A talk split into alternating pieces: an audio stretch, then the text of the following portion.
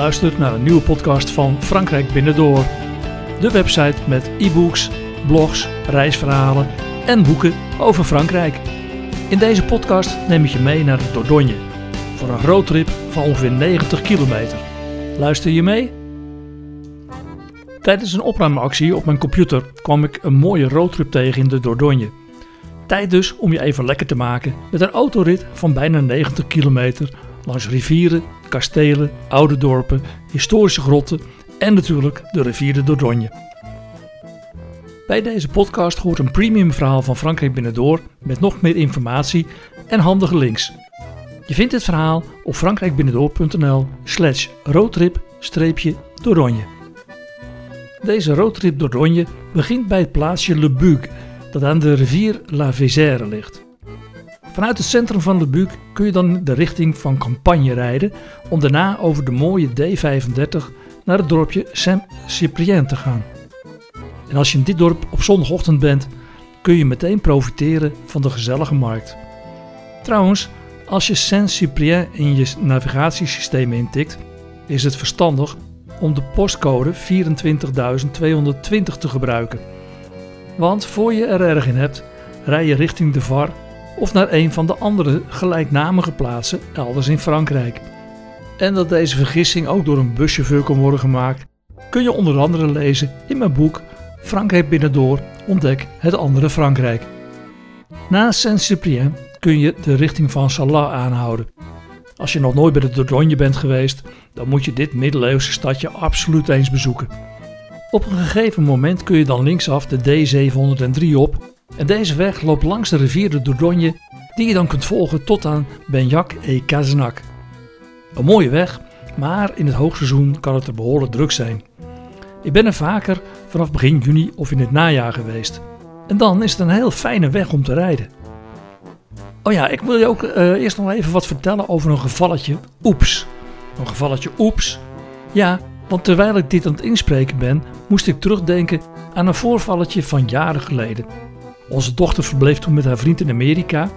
En Marjan en ik waren samen met onze zoon een week in de buurt van Gros-le-Jacques, waar een kleine leuke camping vlak bij de rivier de Dordogne ligt. Ik maakte toen met hem een kanotocht naar Benjac et Cazenac. Een prachtige ervaring, maar alleen er ging iets fout. Bij het vertrek was mij verteld waar het eindpunt was. Alleen waren wij varend zo onder de indruk van de rivier en de natuur en de prachtige omgeving dat we te ver door waren gevaren. En op een gegeven moment peddelden wij naar een plek met allemaal kano's op de kant en ik dacht dat we daar met een busje terug konden naar het beginpunt. Toen we de kano op de kant hadden getrokken en onze spulletjes eruit hadden gehaald, kwam er iemand naar me toe die vroeg wat we kwamen doen. Ik vertelde dat we uit Grolles kwamen en met het busje graag terug wilden. De man keek mij verbaasd aan en zei laconiek zoiets van: Oh, nou, dan moeten we eerst nog even drie kilometer stroomopwaarts terugpeddelen, want uw kano is niet van ons. U bent te ver gevaren. Oeps. Er zat dus niets anders op dan alles weer in de kano te laden en stroomopwaarts drie kilometer terug te peddelen. Het voordeel was wel dat wij het kasteel van Benjak nu ook nog een keer van een andere kant konden bewonderen. Maar tijdens deze roadtrip door Ronje ging de tocht niet over de rivier naar het kasteel, maar te voet. En ik had de auto al geparkeerd in het dorp. Een beetje goed schoeisel kan hier geen kwaad, want de weg is er steil en de keitjes lopen niet echt comfortabel. Vergeet niet om halverwege eens achterom te kijken. Je ziet het Dordogne dan heel fraai in de diepte liggen. Wij klauteren verder richting het kasteel en ik vind het altijd weer knap hoe ze dit soort bouwwerken in de tijd zo konden bouwen. Het Château de Bagnac is op een 150 meter hoge rots gezet en de bouw duurde van de 13e tot de 16e eeuw. En het maakte een machtige indruk. En ooit was het ook nog in bezit van Richard Leeuwenhard. En in mijn nieuwe boek Loire lees je nog veel meer over Richard bij de prachtige abdij van Fonvaux vlakbij de Loire. Maar nu was ik bij de Dordogne.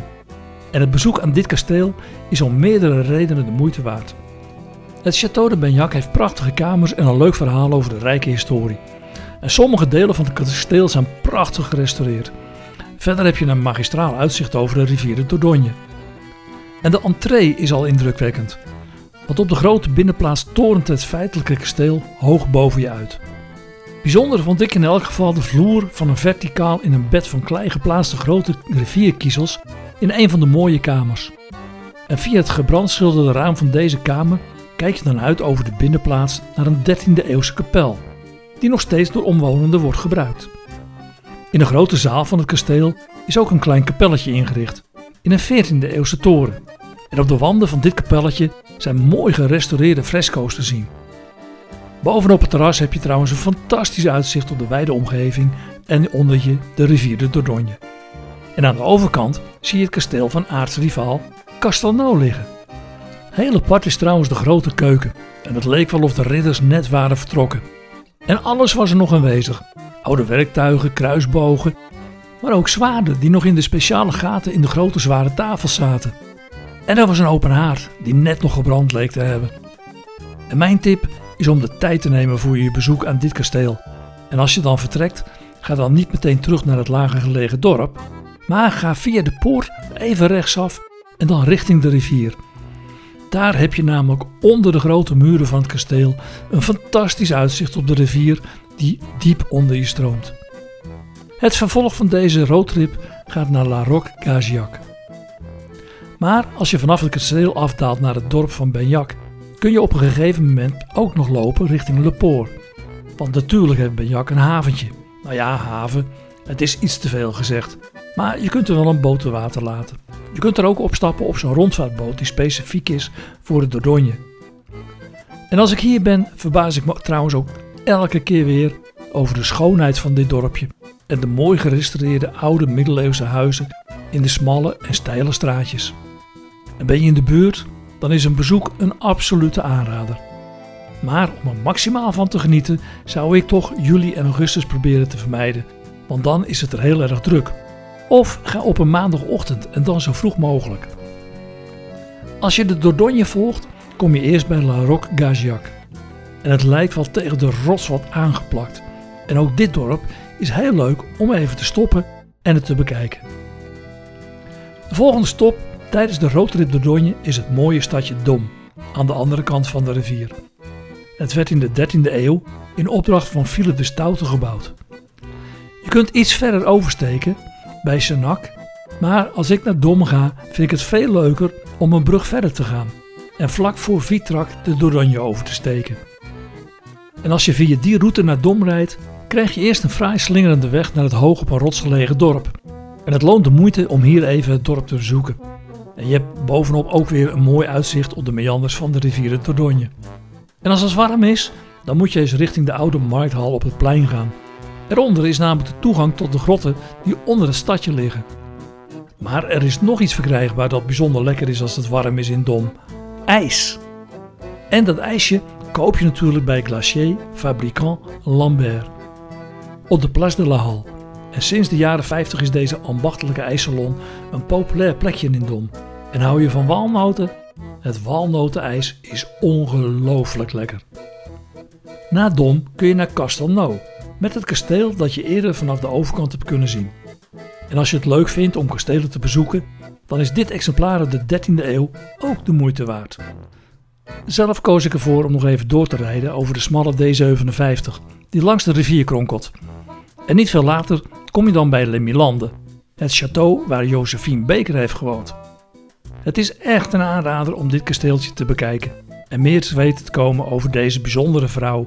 De manier hoe ze geleefd heeft is er terug te vinden. En in dit bijzondere kasteeltje kun je ook de prachtige jurken zien die ze bij haar optredens aan had. Maar er is ook een hele mooie show te zien met roofvogels. En uiteindelijk kun je dan via de slingerende D53 en de D50 naar het gehucht Beriguer. Een prachtig rit over kronkelende wegen en door een heel mooie omgeving. Het is ook een leuk gebied om te wandelen of voor een stevige fietstocht. En als je wilt fietsen, dan kun je wel het best voor een rustige periode kiezen. Begin juni was het nog erg rustig, maar in het hoogseizoen zal het zeker wel anders zijn. Het is ook een mooie streek om lekker te genieten van je e-bike. Als je bij Chirac en Périgord bent aangekomen, dan kun je de Dordogne weer oversteken en via de D730 richting Autrix. En hier kun je de Gouffre Proumessac bezoeken. Het is een indrukwekkende druipstelling God en met een gids ga je door een tunnel tot je in de ondergrondse kathedraal komt. En daar is het een spel van licht met het kristal dat onder de grond voor een bijzonder schouwspel zorgt. En als je spectaculair wilt afdalen, Dan kan dit in een soort van houten lift waar je met z'n vieren ingaat. Deze zogenaamde descente en nacelle laat je op een manier deze grot beleven die je nooit meer vergeet. Je moet alleen geen hoogtevrees hebben. En uiteindelijk kom je dan weer bij Le Buc terecht. Persoonlijk vind ik het niet zo'n bijzondere plaats, maar in de omgeving valt genoeg te beleven. Bezoek er bijvoorbeeld eens het aquarium du Périgord Noir, waar je onder meer kunt zien hoe de zalm zich voorplant, maar ook krokodillen kunt waarnemen. Misschien een leuke tip met kinderen? En even buiten Le Buc vind je dan nog de Caverne Barabao. En die wordt ook wel de berengrot genoemd, omdat er blijkbaar beren ingewoond hebben in de tijd van de prehistorie. Dit denkt men te kunnen afleiden aan de diepe krassen die met de klauwen van de beren zouden zijn aangebracht. En ook zijn er wandtekeningen te zien die wijzen op menselijke bewoning. Oké, nou ik hoop dat je met deze roadtrip door Donje weer wat inspiratie hebt gekregen voor een mooie vakantie in Frankrijk. Meer tips en roadtrips vind je altijd op frankrijkbinnendoor.nl. Oh ja, vond je deze podcast leuk?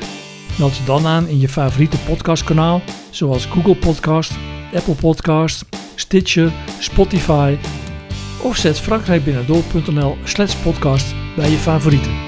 Tot mijn volgende podcast.